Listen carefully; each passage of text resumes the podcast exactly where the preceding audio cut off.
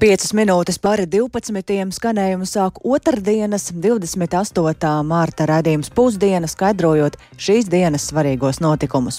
Studijā Dācis Simanoviča, esiet sveicināti! Ar ko šobrīd ir jārēķinās tiem, kuri tagad dodas pensijā? Pat labi ir izveidojusies situācija, ka pensiju otrā līmeņa uzkrājums ir ar mīnuszīmi, un šo situāciju šodien apsprieda Saimas budžeto un sociālo lietu komisija kopsēdē. Izskanēja arī priekšlikums, ka valsts fondēto pensiju otrā līmeņa uzkrājuma pārvaldībā būtu jālūkojas kaimiņu valstu piemēri un uz laiku jāatliek daļas pensiju kapitāla izņemšana no investīciju portfeļiem, bet plašāk par šajā kopsēdē runāto pastāstīs Jānis Kīncis, kurš pievienojas tiešraidē mums. Sveiks, Jāni! Sveiki, Dārts, sveicināti klausītāji. Jā, atbilstoši Latvijas Bankas apkopotajai informācijai, pensiju otrā līmeņa uzkrājumiem pagājušajā gadā kopējais aktīva apjoms samazinājās un ieguldījumu ienesīgumu rādītāji kritās, sasniedzot vidēji mīnus 14,1%, kas nozīmē, ka cilvēki, kuriem ir iespēja pensionēties pašlaik vai kuri pensijā devušies nesen, otrā līmeņa pensiju uzkrājums ir mazākā vērtībā. Un, uh, uzkrājumu negatīvi negatīvo bilanci veicinājuši dažādi globālie notikumi pēdējos gados, galvenokārt Covid krīze un arī valstu centrālo banku lēmumi strauji celt procentu likmes. Un tā, situācija ir tāda, ka vislielākos zaudējumus pērn ir cietuši tieši tā saucamie lielākos zaudējumus. Eh, tā tad ir piedzīvojuši tieši tā saucamie konservatīvie plāni, kas veidot uzkrājumu saglabāšanai, un mazāk zaudējumu ir aktīvajos plānos, kas saistīti ar augstāku risku ieguldījumu un ieguldījumiem akcijās. Dati vietnē Mana pensija LV apliecina šo tendenciju pēdējā gada laikā vairumam konservatīvo plānu rezultāts ir bijis mīnus 7 līdz mīnus 9%, bet aktīvajiem plāniem mīnus 6, mīnus 7%. Un saimnes komisijas sēdē izskanēja konkrēts jautājums, kā cilvēkiem, kuriem tuvojas pensionēšanās laiks, pašlaik vislabāk rīkoties, domājot par pensiju otrā līmeņa uzkrājumu. Un Labklājības ministrijas valsts sekretāram Ingum Allikam uz šo jautājumu bija šāda atbilde. Paklausīsimies! Viena no iespējām cilvēkam, protams, ir atlikt pensionēšanos vispār šobrīd, bet nu, skaidrs, ka daļa cilvēku, kuriem tās pensijas ir mazas, viņam protams, tas ienākums ir svarīgs, un tur šī opcija nedarbojās. Bet nu, cilvēkiem ar lielākiem ienākumiem šajā brīdī nu, tas risinājums ir to pensionēšanos atlikt kā pirmajā, tajā otrajā līmenī.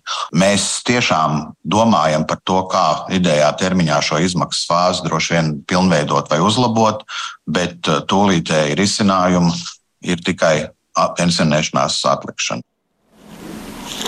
Lai cīnītos ar šo situāciju, viens no iespējamiem risinājumiem būtu arī atlikt daļas uzkrātā pensiju kapitāla izņemšana no investīciju portfeļa, un pēc Latvijas Bankas un Finanšu ministrijas prognozēm arī konservatīvie uzkrājuma fondi sāk atdzīvoties, un situācija jau drīzumā varētu stabilizēties. Tātad, piemēram, pēc gada uzkrājuma rādītāji jau varētu būt ar pluszīmi. Un nedaudz ieskicējot diskusijas šajā komisijas sēdē, izskanēja arī viedoklis, ka pieeja atlikt pensionēšanos raisa visai ciniskas pārdomas, ka tā jau pensiju var vispār arī nesagaidīt. Izskanēja arī atsauce par lēmumu Igaunijā atļaut izņemt visu uzkrājumu kaut, kaut, arī, kaut vai skaidrā naudā. Tomēr Latvijā šādu iespēju neizskata. Tad tomēr būtu vērtējums dažādas iespējas, kā mazināt negatīvās sekas pensiju otrā līmeņa ieguldījumu ienesīgumu krituma dēļ. Un tāds pagaidu risinājums būtu, piemēram, ļaut iedzīvotājiem izmantot izmantot daļu no pensiju uzkrājuma kādā citā formā, piemēram, veselības aprūpas pakalpojumu apmaksai. Par secinājumiem šīs sēdes turpinājumā un iespējām izmaiņām pensiju fondu pārvaldībā sīkāk stāstīšu arī programmā pēcpusdienā. Dace? Paldies Jānim Kīncim par šo situācijas izklāstu. Tikmēr nerimst protesti pret pensiju reformu arī Francijā. Un šo pēcpusdienu Parīzē un arī daudz viet citur valstī sāksies desmitā protesta akcija pret pensiju reformu. Ir sagaidāms, ka Francijas galvaspilsētas ielās iznāks aptuveni 100 tūkstoši cilvēku, kas ir ļoti ievērojams skaits. Un iedzīvotāji ir neapmierināti ne tikai ar pensionēšanās vecuma paaugstināšanu, bet arī ar viņu prātu nedemokrātisko reformas pieņemšanas veidu. Un Parīzē šobrīd atrodas arī mūsu korespondents Arķoms Konohovs. Ar viņu esam sazinājušies tiešraidē. Labdien! Labdien, Arčom! Es saprotu, ka tu esi Republikas laukumā. Kāds noskaņojums tagad tur valda? Labdien, Dārts, labdien, klausītāji! Tiešām tagad atrodos Parīzes centrā, Republikas laukumā, no kura pēc eh, dažām stundām sāksies eh, protesta akcija, jau desmitā protesta akcija, ko organizē arotbiedrības un arī opozīcija.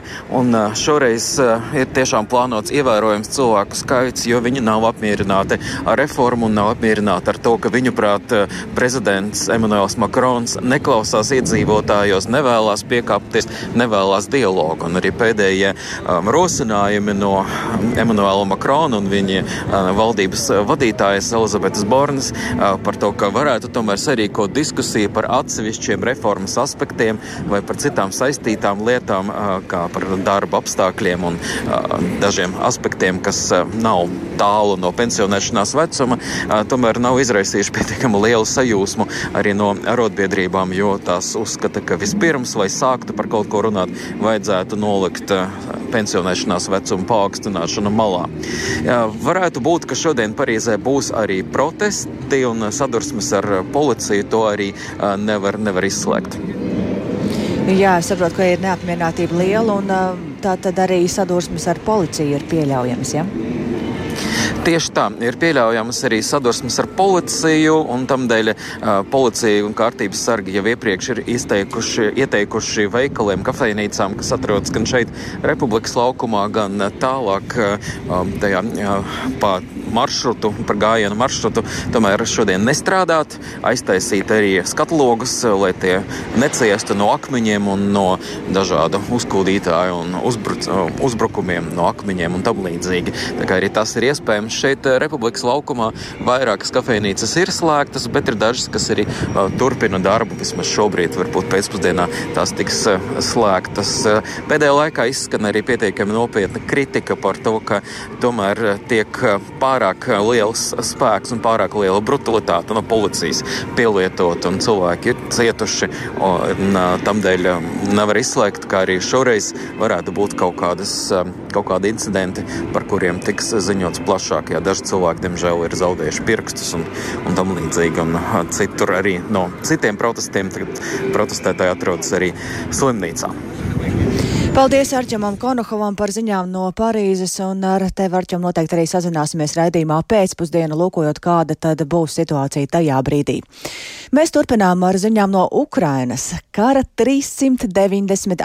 diena ir sākusies ar Krievijas kaujas dronu uzbrukumiem, vairumu no kuriem ir izdevies sekmīgi atvairīt. Ukrainas bruņotie spēki pagaidām nemana pazīmes, ka Krievija varētu gatavoties jauniem masveida raķešu uzbrukumiem. Tikmēr frontē sīvākās cīņas norisinās Bahmutas un Avdiviekas pilsētās Donetskas apgabalā. Turpina Uldis Ķesbers. Gandrīz visā Ukrainā šonakt skanēja gaisa trauksme, jo valsts piedzīvoja Krievijas dronu uzbrukumus. Spēcīgi sprādzieni bija dzirdami galvaspilsētā Kīvā, kā arī Dnipro pilsētā. Ukrainas gaisa spēki informējuši, ka pretgaisa aizsardzības sistēmas ir gandrīz perfekti paveikušas savu darbu, jo tām ir izdevies notriekt 14 no 15 Krievijas palaistajiem droniem kamikadzēm Shahed, kā arī vienu izlūkošanas dronu. Vienīgais nenotriektais drons trāpīja privāta uzņēmuma teritorijā Dnipro pilsētā, izraisot ugunsgrēku 4000 km platībā, ziņo varas iestādes. Ukrainas bruņoto spēku operatīvās pavēlniecības dienvidi pārstāve Natālija Gumeņuka šorīt pastāstīja, ka pašlaik Melnajā jūrā kaujas gatavībā atrodas tikai viena Krievijas zemūdene ar četrām spārnotajām raķetēm Kaļibri, tāpēc viņa apšauba iespēju, ka Krievija tuvākajā laikā varētu sarīkot jaunu masveida raķešu triecienu. Visticamāk, viņi veiks precīzi mērķētus triecienus, un lielāks uzsvers tiks likts uz aviāciju, nevis uz raķešu nesējiem jūrā. Saskaņā ar pēdējo divu dienu analīzi mēs redzam, ka ienaidnieks ir aktivizējis savu uzmanību dienvidu virzienā, jo īpaši Helsonas apgabalā, un pastiprinājis aviāciju aviācijas un vadāmo aviācijas bumbu izmantošanu. Frontē viskarstākie punkti ir Bahmuta, Abdīvka un Marjinka. ASV Domnīcas kara izpētes institūts jaunākajā analīzē par situāciju frontē teikts, ka Krievijas spēkiem ir izdevies izlausties gandrīz līdz pašam Bahmutas pilsētas centram. Institūta analītiķi to ir secinājuši izpētot vienu no pēdējiem video, kuru ir publicējis Krievijas algotņu grupējuma Wagner vadītājs Jevgēņijs Prigožins. Viņš vakar esot atradies Bahmutas 5. vidusskolas ēkā, kas atrodas mazāk nekā kilometra attālumā no pilsētas domes. No citu internetā pieejamu attēlu geolokācijas datiem secināts, ka Krieviem ir izdevies ieiet arī Bahmutas rūpnieciskajā rajonā, kas atrodas tikai dažus kilometrus no pilsētas centra. Vērtējot situāciju, Avdīvkā kara izpētes institūts raksta, ka Krievijas militārā vadība gatavojas pastiprināt uzbrukumus pilsētai, tāpēc uz šo frontes zonu ir nosūtītas vairākas pieredzējušas Wagner kaujinieku vienības. Avdīvkas kara administrācijas vadītājs Vitālijs Barabažs ziņo, ka Krievijas spēki apšauda pilsētu ar visiem to rīcībā esošajiem ieročiem, taču pagaidām Ukrainas aizstāvji noturot savas pozīcijas. Viņš arī aicināja Avdīvkā vēl palikušos civiliedzīvotājus nekavējoties doties prom prom, jo pilsētā vairums ēku ir pilnībā vai daļēji nopostītas, tāpēc nav pieejams ūdens, siltums un elektrība, kā arī ir atslēgti mobilie sakari. Pašlaik ap divi, kā atrodas aptuveni 2000 civiliedzīvotāju, pirms kara tur dzīvoja aptuveni 30 tūkstoši cilvēku. Uldis Česberis, Latvijas radio.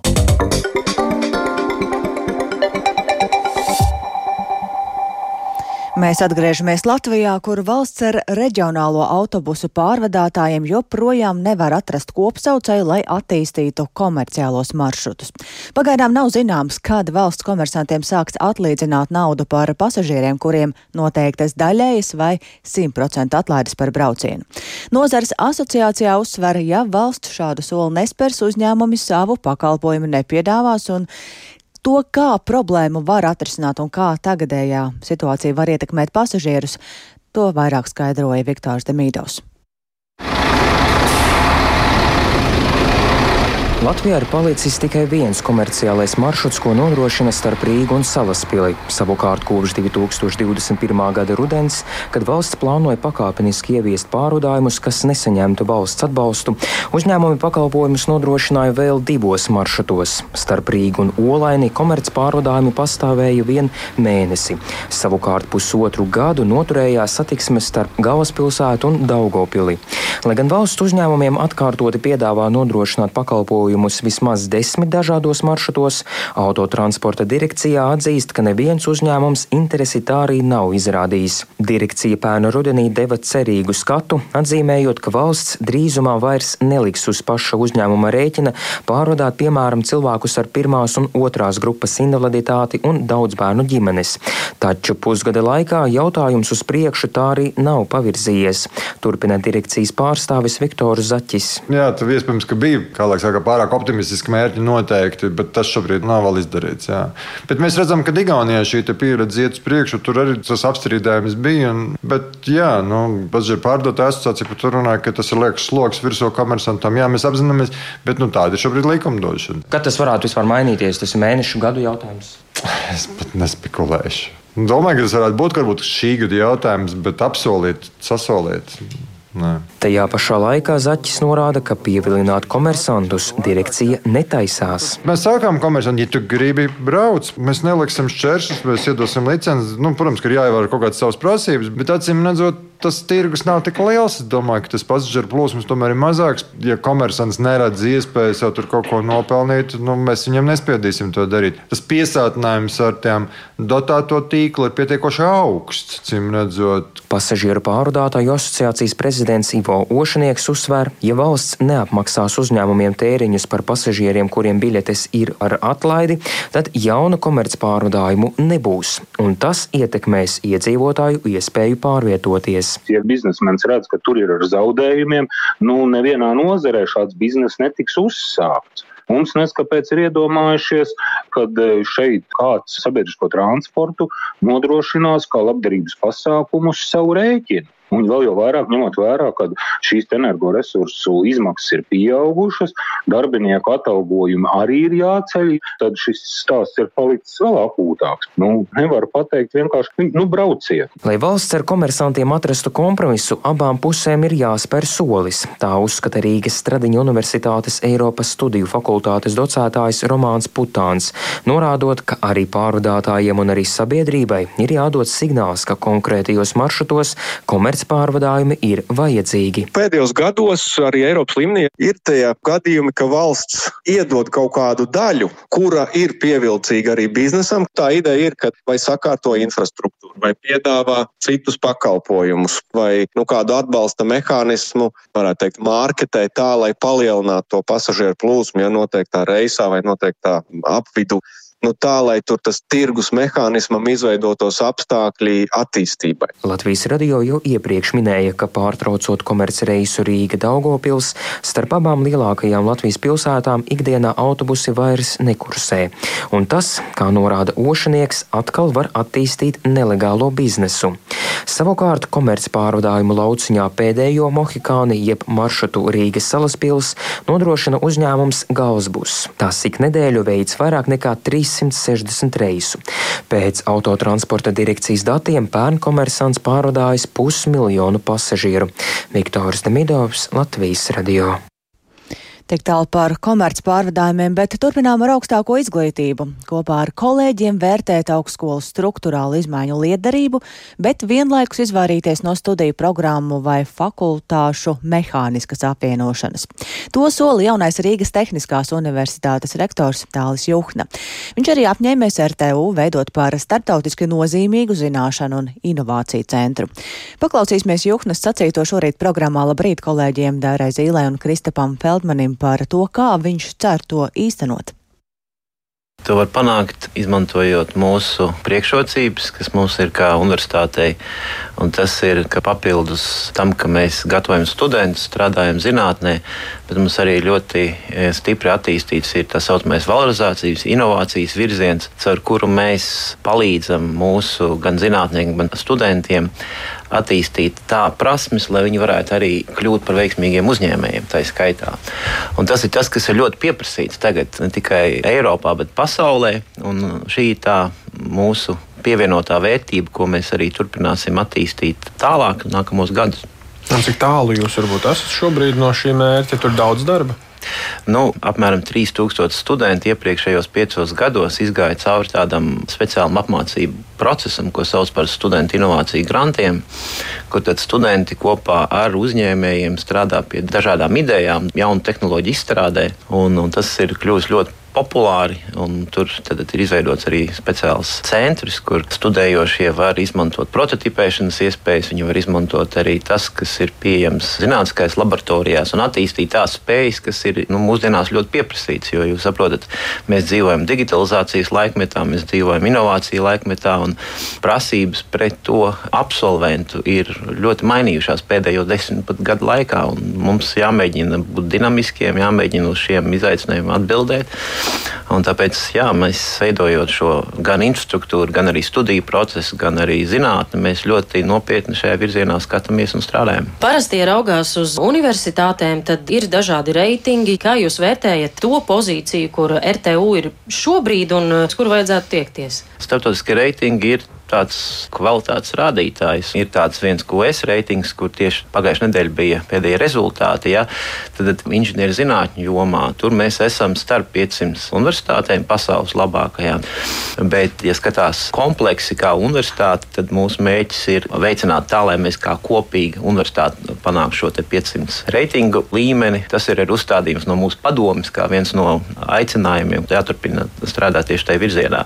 Ko darīt, ir pietiekami skaidrs Viens no virzieniem, protams, ir zinātnes kvalitātes paaugstināšana. Zinātnes kvalitāte mēra vairākos veidos, bet viens no tādiem ir skatās, cik publikācijas, ko mūsu zinātnieki rada, un pēc tam, protams, viņi strādā kā pasniedzēji, cik viņas ir atpazīstamas, cik viņas ir citētas. Tas ir viens no tādiem mūsu uzstādījumiem, kur mēs gribam to latiņu celt augstāk. Latvijas Universitātes rektors Indričs Mužnieks nesen ir teicis, ka viņš plāno samazināt fakultāšu skaitu. Arī jums varbūt ir kādas domas par nu, to? Jautājums ir dienas kārtībā par to runāt. Jā.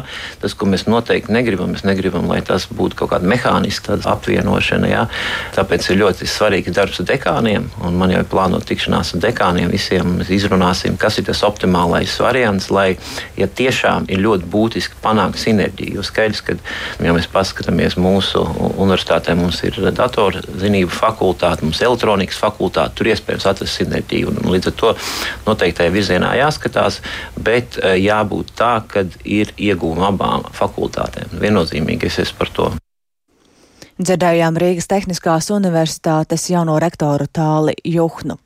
Savukārt cita veida reorganizācija ir paredzēta Ogres muzejā. Tur šodien ierodas Ogres novada pašvaldības pārstāvi, lai veiktu finanšu auditu. Tā Latvijas radio apstiprināja pilsētas mērs Egils Helmans no Nacionālās apvienības.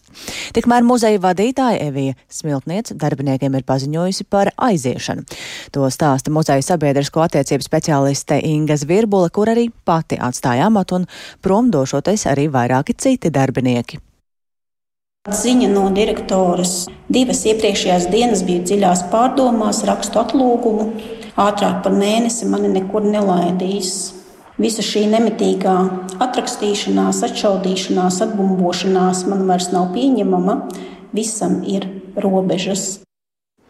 Vien atgādināšu, ka novada domas un ogres muzeja konfliktu, kas rezultējās izstāžu programmas atcelšanā, izraisīja nesenais atteikums uzņemt domas priekšsēdētāja Egila Helmaņa iecerēto sankcijām pakļautā Krievijas oligārha Pjotra Avena porcelāna izstāde. Un par šī brīža situāciju ogrā, ogrē vairāk noteikti arī stāstīsim raidījumā pēcpusdiena. Tikmēr tik raiti, kā gribētos, nesokas ar gaidāmo dziesmu un deju svētku biļešu tirzniecību, jo gaidāmo tātad, jo biļešu servis ir apstrīdējis Latvijas Nacionālā kultūras centra lēmumu uzticēt to biļešu paradīzei. Biļešu servis ir iesniedzis sūdzību iepirkumu uzraudzības birojā, kurā norāda, ka biļešu paradīzes piedāvājums ir nepamatoti lēts. Kolēģi Agnija Lazdeņa ir uzrunājusi visus trīs iesaistītos un zina par šo situāciju stāstīt vairāk vairāk. Viņa man šobrīd pievienojas telefoniski. Sveika, Agnija! Pastāsti, kā tad šī situācija ir radusies? Jā, labdien! Tā tad atgādināšu, ka Latvijas Nacionālā kultūras centra iepirkumam par dziesmu un deju svētku biļešu tirzniecību, tostarp biļešu elektroniskās kontrolas nodrošināšanu, bija pieteikušies divi pretendenti - biļešu paradīze un biļešu servis. Gala rezultātā par uzvarētāju atzina biļešu paradīzi, jo viņu piedāvājumu Nacionālais kultūras centrs atzina par saimnieciski izdevīgāko. Tomēr biļešu servis apstrīd šo lēmumu un ir iesniedzis sūdzību iepirkumu uzraudzības birojam ar lūgumu lūgumu atcelt konkursa rezultātus un atkārtoti vērtēt iesniegtos piedāvājumus. Viņuprāt, biļešu paradīzes piedāvājums ir nepamatoti lēts, tāpat arī biļešu servis uzsver, ka Nacionālais kultūras centrs ir kļūdaini vērtējis biļešu paradīzes finanšu piedāvājumu.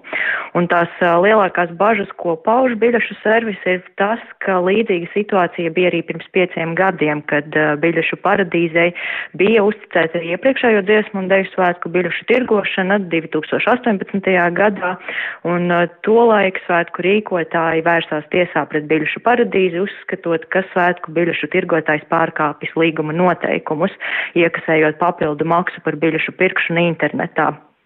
Un vēlāk tika panākts izlīgums, saskaņā ar kuru biļešu paradīze atmaksāja svētku rīkotājiem vairāk nekā 76 tūkstošus eiro. Jā, nu lūk, un pēc biļešu servisa paustā, ja Nacionālais kultūras centrs piedāvājumu vērtēšanas gaitā būtu visu darījis korekti, tad biļešu servis būtu konkursā uzvarējis. Savukārt biļešu paradīzes valdes priekšstādētājs Jānis Čudzulis sarunā uzsvēra, ka līdz iepirkuma uzraudzības birojām lēmumam nekādas darbības nav iespējas iespējams, proti nevar noslēgt nedz līgumu, nedz arī sākt tirgot biļetes. Paklausīsimies, kā uz situāciju raugās Jānis Čuzulis. Biļešu paradīze ir pilnīgi pārliecināts par savu piedāvājumu. Izteiktais piedāvājums ir korekts un pamatots un pārdomāts, un mēs nekādā veidā nejūtamies apdraudēt no kādām sūdzībām. Uzskatu, ka tā ir nepamatota, un mēs sniegsim visu nepieciešamo informāciju un ļoti ceru, ka biļešu tirdzniecības svētkiem būs iespējami jau pēc iespējas ātrāk. Jā, viņš arī uzsver, ka šobrīd gaidīs iepirkuma uzraudzības biroja lēmumu un ir pārliecināts, ka šī gan līgumu, gan biļešu tirzniecības aizkavēšana ir vienīgais, ko biļešu servis paveiks ar iesniegto sūdzību. Tāda lūk pagaidām ir situācija. Plašāk par šo visu stāstīšu programmā pēcpusdiena. Dase. Paldies, Agnēja. Ir zināms, kad būs iepirkuma uzraudzības biroja lēmums? To šobrīd vēl nezina pagaidām. -hmm. Informāciju gaida. Paldies tātad par šo noteikti raidījumā pēcpusdiena plašāk, un ar to arī izskan raidījums pusdiena. Tā producente Ilze Aginta, ierakstus montēja Kaspars Groskops, par labskaņu rūpējās Īveta Zvejniece un ar jums sarunājās Dācis Semenoviča. Latvijas radio ziņas un arī raidījumi ir atrodami raidierakstu platformās, tāpat arī mūsu mobilajā lietotnē un mūsu ziņas arī sabiedrisko mediju ziņu portālā LSMLV, tāpat arī esam atrodami sociālajos tīklos. Yeah.